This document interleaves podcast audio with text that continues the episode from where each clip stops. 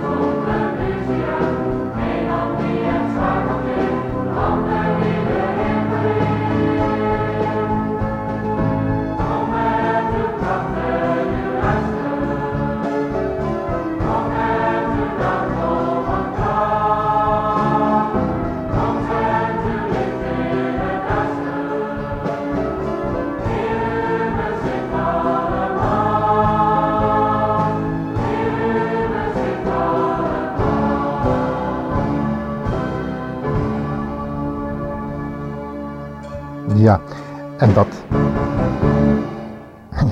Nou, dat heeft de mensen toen de tijd helemaal bezig gehouden. Dat God alle macht heeft. In Handelingen 4 kunnen we dat lezen. Daar was er een wonder gebeurd. Een geweldig wonder. Want er was iemand die al eh, van zijn jeugd af kreupel was geweest, plotseling genezen. En dat door het getuigenis van de Heer Jezus Christus, wat door de mond van Petrus en Johannes naar buiten kwam. Petrus en Johannes, die beide de Heilige Geest hadden ontvangen en daar ook naar leefden. Hun leven was vervuld met de Heilige Geest en daar gaat dit programma dan ook over. Maar die Heilige Geest neemt ook gaven mee en die kunnen zich manifesteren op allerlei verschillende manieren. We lezen daarover in 1 Korinthe 14 natuurlijk, maar daar willen we het nu deze uitzending niet over hebben.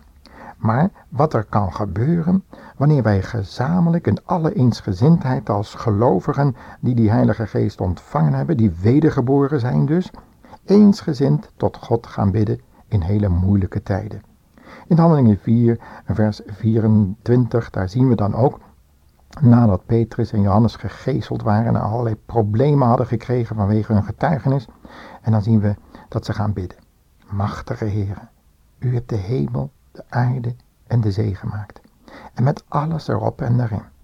Door de Heilige Geest hebt u uw dienaar, onze voorvader David, laten zeggen: Wat zijn die ongelovige volken toch dwaas om tegen de Heer op te staan? Het is onbegrijpelijk dat deze mensen proberen God te slim af te zijn.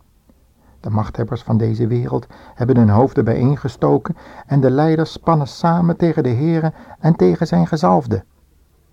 Dat is nu precies wat er hier in Jeruzalem op dit moment gebeurt.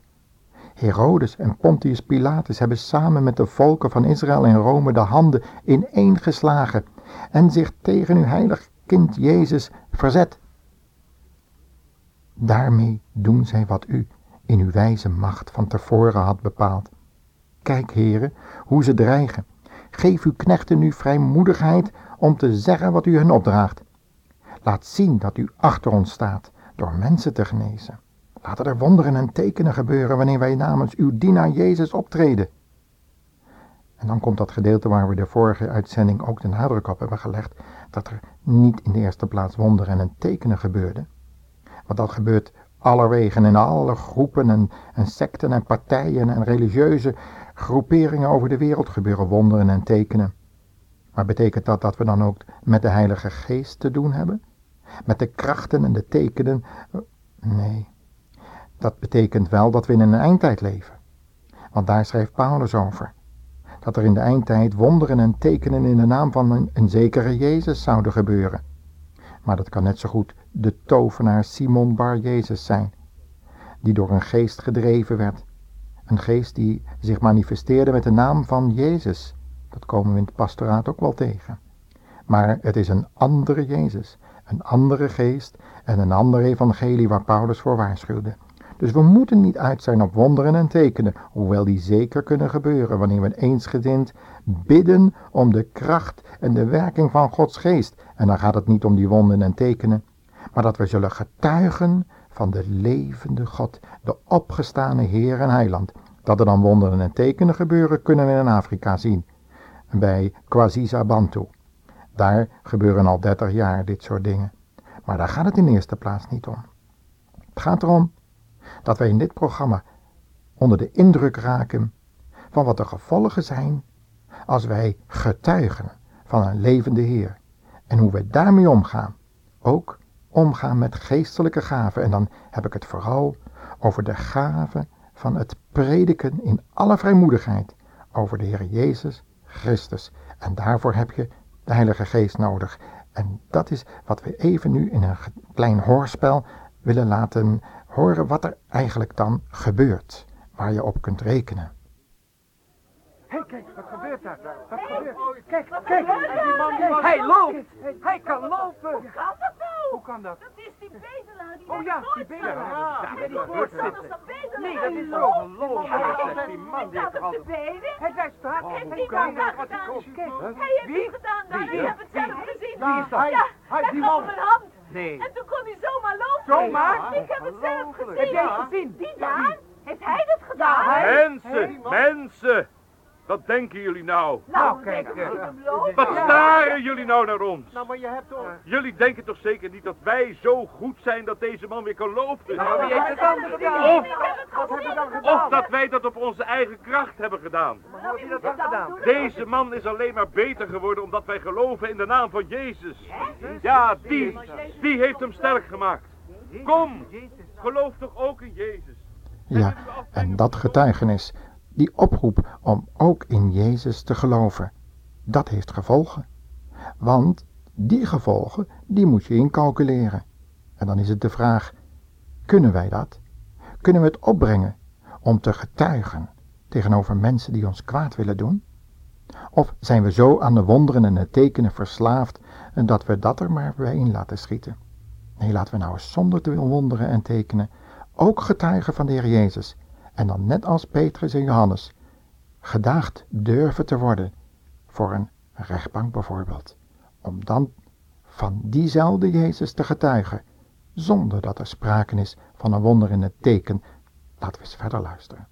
Wij zijn hier samengekomen omdat wij door jullie, Petrus en Johannes, nauwkeurig op de hoogte gesteld willen worden van wat er gisteren is gebeurd.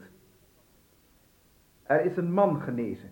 Hij was zijn hele leven reeds verlamd, maar nadat u hem had toegesproken of iets anders met hem hebt gedaan, is deze man gezond.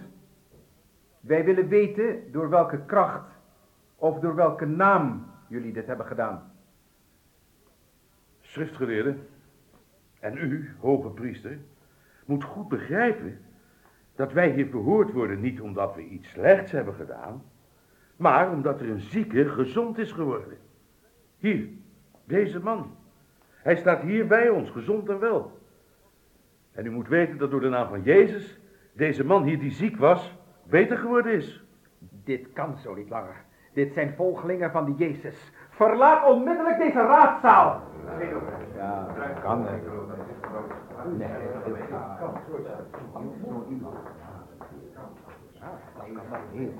Heren, wij moeten overleggen. Wat moeten wij met deze mannen doen? Het zijn eenvoudige mannen uit het volk. Hoe bestaat het dat ze zo tegen ons durven spreken? Deze mensen worden erg gevaarlijk. Heel Jeruzalem weet wat er gisteren gebeurd is. En wij kunnen dat niet tegenspreken. Die man is genezen. Dat ziet iedereen met zijn eigen ogen. We moeten voorkomen dat iedereen achter ze aan gaat lopen. Het enige wat we kunnen doen is eenvoudig te verbieden in die naam van die Jezus tot de mensen te spreken. Gewoon verbieden. Ja, dat is het enige. Laat die mannen binnenkomen.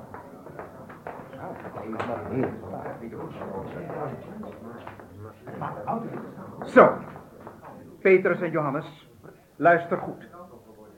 Wij verbieden jullie om ooit nog tegen het volk te spreken over deze Jezus. Wij verbieden jullie dit. Dat kunt u nu wel zeggen. Maar wat vindt u? Moeten wij doen wat God zegt?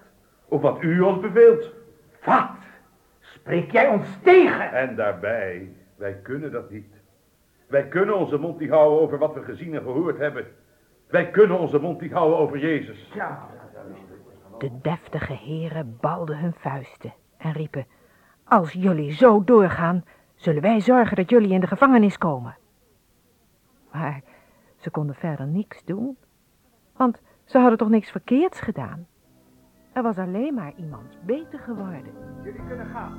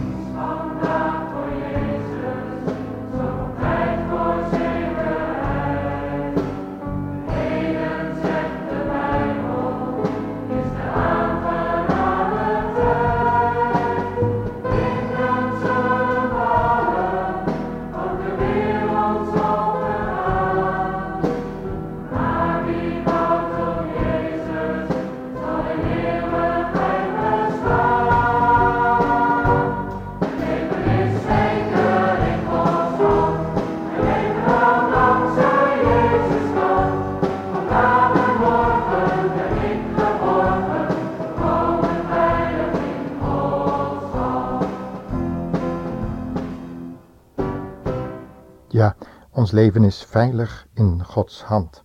Zijn beloften blijven waar. Kies dus vandaag voor Jezus. Zorg op tijd voor zekerheid. Heden, zegt de Bijbel, is de aangename tijd. Vrienden zullen falen, ook de wereld zal vergaan, maar wie bouwt op Jezus zal in eeuwigheid bestaan. Ja, je kan in de gevangenis zitten omdat vrienden falen, zogenaamde vrienden dan. En omdat ze je hebben verraden. Maar je kan ook in de gevangenis zitten omdat je voor de waarheid opkomt, zoals Petrus en Johannes verschillende malen hebben ervaren en ook Paulus en ook heden ten dagen nog vele christenen in de hele wereld gevangen zitten vanwege het getuigenis van de Heer Jezus Christus. En dan gaat het er niet om wat er wonderen en tekenen gebeuren, dat kan een kick geven, maar het gaat er ook weer over. Dan gaat het erom of je getuigenis durft te geven met in je achterhoofd de gevolgen. Gevangenschap, lijden, verdrukking, armoede. En of je dan vast wil houden aan de belofte van het eeuwige leven wat de Heer Jezus gegeven heeft. Of je dan de kracht van de Heilige Geest in je zult ervaren, wat een bewijs is van zijn vervulling. beste luisteraar, heeft u dat ontvangen waarvan de Bijbel zegt, gij zult ontvangen kracht vanuit de hoogte. Dat is bij die wedergeboorte de nodige heilige geest die in ons het werk tot stand zal brengen, dat we op Jezus gaan lijken. God zegen u luisteraar en tot een volgende uitzending.